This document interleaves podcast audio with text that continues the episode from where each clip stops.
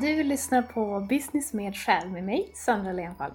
En podd för dig som vill omsätta din visdom, erfarenhet och unika gåvor till din egen framgångsrika business.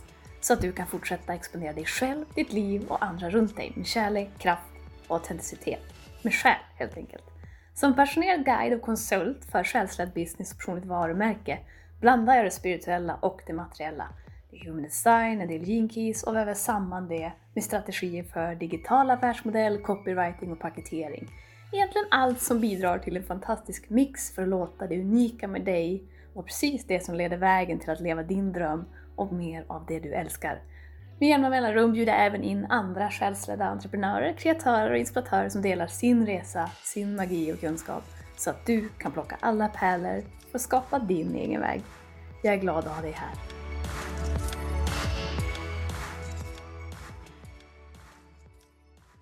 När det här spelas in så har jag precis landat från en veckas turnerande tillsammans med min kollega, businesspartner och själssyster Petra. Och det här har varit allt annat än en traditionell föreläsning och snarare ett eh, transformerande event. Och jag pratar om föreläsningen Det räcker nu, en kärleksfull käftsmäll. Och när det här släpps så har vi bara två orter kvar att besöka, varav Umeå den 9 november och tillbaka till Göteborg den 7 december.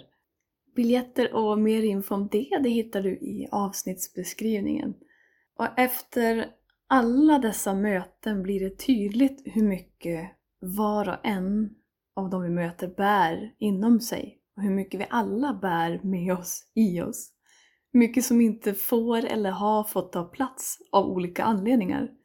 Jag får bevittna intensiva känslor, de är över hela spektrat. Det är skratt, det är tårar, det är lättnad, irritation, styrka. Väldigt påtagliga energier som kommer ur varje persons förflutna, nutid och framtidstro. Det är som ett slut och samtidigt en början på en resa som vi får vara del av. Det är vilket som galet häftigt och jag är djupt tacksam. Och jag nämner det här för att ge dig lite kontext till dagens episod, för det var nämligen och har varit en känsla, en energi och tankemönster som har stuckit ut för mig hos de vi har mött. Och jag har en stark känsla av att du, precis som mig, bär eller har burit mer av det här än du kanske tror. Min uppfattning är också att det verkligen är svårt att skapa det du vill och leva det du älskar om du har kvar det här för mycket. Att det får ta en stor, en för stor plats i dig. Den här podden heter Business med själ och den handlar förvånansvärt lite om själva businessdelen för den sidan är och blir betydligt mer relevant när du och din energi är i linje med vem du är och din sanna natur. Det är där vi börjar. Det är också otroligt unikt vilka strategier och actions som är rätt för dig utifrån det vi just nämnde. Min intention är att det ska finnas något för dig här även om du inte har valt just entreprenörskap som det främsta fordonet för din spirituella resa och personliga utveckling. Det som har stuckit ut och fortsätter att visa sig genom det här transformerande arbetet det är skam och skuld.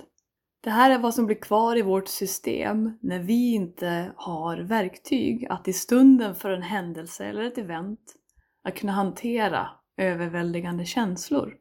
Det kan vara små, väldigt små, stora, kollektiva eller generationstrauman. Något som förtjänar ett helt eget avsnitt. Ofta är skam och skuld precis som de flesta mindre bekväma känslorna och reaktionerna knutet till vårt förflutna och det färgar i allra högsta grad vårt nu och vad som blir möjligt härifrån. Det behöver som sagt inte handla om stora händelser som har skett, som har skapat intensiva känslor i dig som du lagrar. Det behöver inte vara logiskt för dig heller hur det har blivit så och varför det kvarstår. Du kommer dock att fortsätta agera som din kropps tolkning av händelsen, som att den är sann om du inte möter de här imprinten, de här trauman, de här överväldigande känslorna och de obekväma känslorna som väcks. Det här imprintet eller traumat talar om ifall något är tryggt eller otryggt för dig, vare sig det faktiskt är positivt eller negativt för dig. Kanske är det någon mindre grej som att du har tagit ett råd som visar sig inte vara så bra. Du har sagt ja fast det var ett nej. Eller vice versa. Du kanske har agerat själviskt, gjort ett ärligt misstag eller helt enkelt vad som än har fått dig att börja hysa och kultivera en negativ självbild. Det skapar en otrolig stress och många gånger, återigen, inte medveten heller. Det korta sättet att beskriva skillnaden mellan just skuld och skam det är att skuld är en känsla du får eller har när du har gjort något som du upplevt eller upplever som fel. Skam å andra sidan, det är en känsla av att hela du, eller större delar av dig och din identitet, är fel. Både skam och skuld har flera olika uttryck. Jag skulle säga alla, alla uttryck. För en del väcker det ilska, sorg, att vilja isolera sig, att vilja skratta bort, att vilja förstöra eller bli helt passiv, att missbruka något, vad det än är, att kontrollera, att hålla sig själv tillbaka på ett eller annat sätt eller lägga skulden på någon eller något annat. Eller väldigt mycket på oss själv.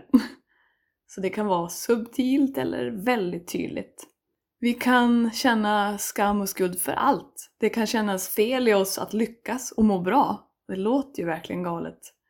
Det kan upplevas som otryggt att ha både och. Att ha en varm kärleksfull relation och samtidigt en karriär som du älskar. Allt härstammar ur tidigare kopplingar som du oftast omedvetet har gjort. En del imprint och trauman är mer tydliga för oss, men vi har alla varit med om överväldigande känslor som har skapat en programmering i oss som vi försöker upprätthålla, även om det inte är hjälpsamt längre. Och det kan upplevas väldigt tydligt i situationer där vi antingen fryser, försöker fly eller distraherar oss.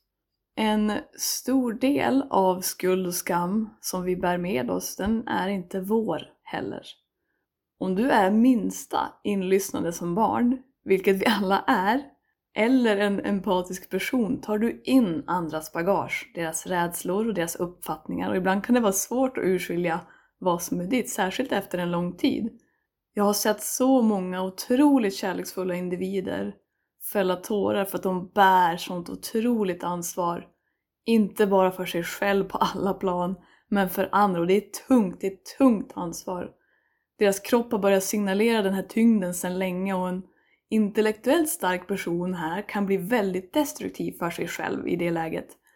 Om du inte förstår eller kan förklara din smärta så kan du addera till den här samma smärta just för att du anser att du borde kunna göra det. Vi gör oss själva inom citationstecken fel för att vi upplever fel och därför skapar vi mer fel. Du kan även ha tagit på dig ett ansvar för en händelse eller person som har utsatt dig för något oförutsägbart bortom din kontroll, särskilt då i stunden. Något i dig har skapat uppfattningen av att det som hände hade gått att förebygga eller undvika och att det är på grund av dig. Vi ska inte gå djupare i det här just nu men jag känner att det är viktigt att lyfta hur vi både kan blir lyfta och sänkta av att ta ansvar. Det finns ett sunt och ett osunt uttryck av allt. Livet kommer att hända dig oavsett din förmåga att ta ansvar och det är i mina ögon ett väldigt hårt krav att ta ansvar för något annat än hur du väljer att svara an på och gå vidare från en händelse, information, en överväldigande känsla. Vad du väljer sen. Smärta är verkligen oundvikligt och lidande är där det riktiga ansvaret kommer in. Riktig självkärlek, det är bland de största utmaningarna vi möter idag. För det väcker ofta väldigt mycket i oss. Det kan kännas svårt att navigera när vi lägger för mycket eller för lite fokus på oss själva eller andra. Och ju mer du bryr dig om andra, desto större sannolikhet att du lägger skam och skuld på dig själv. Jag är dock övertygad om att det ena kommer först.